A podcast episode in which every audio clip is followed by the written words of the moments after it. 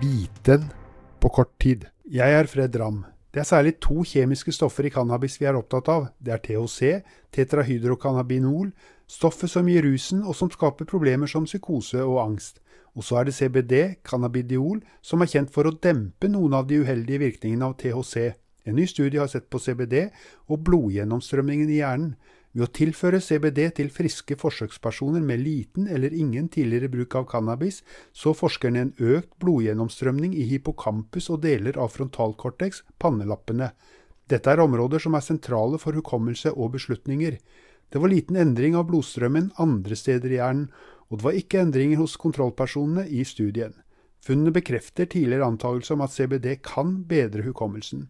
En klar begrensning i studien er at det blir gitt en enkeltdose av CBD, og forskerne anbefaler videre studier for å se på om dette er en effekt som holder seg med mer jevnlig tilførsel av CBD.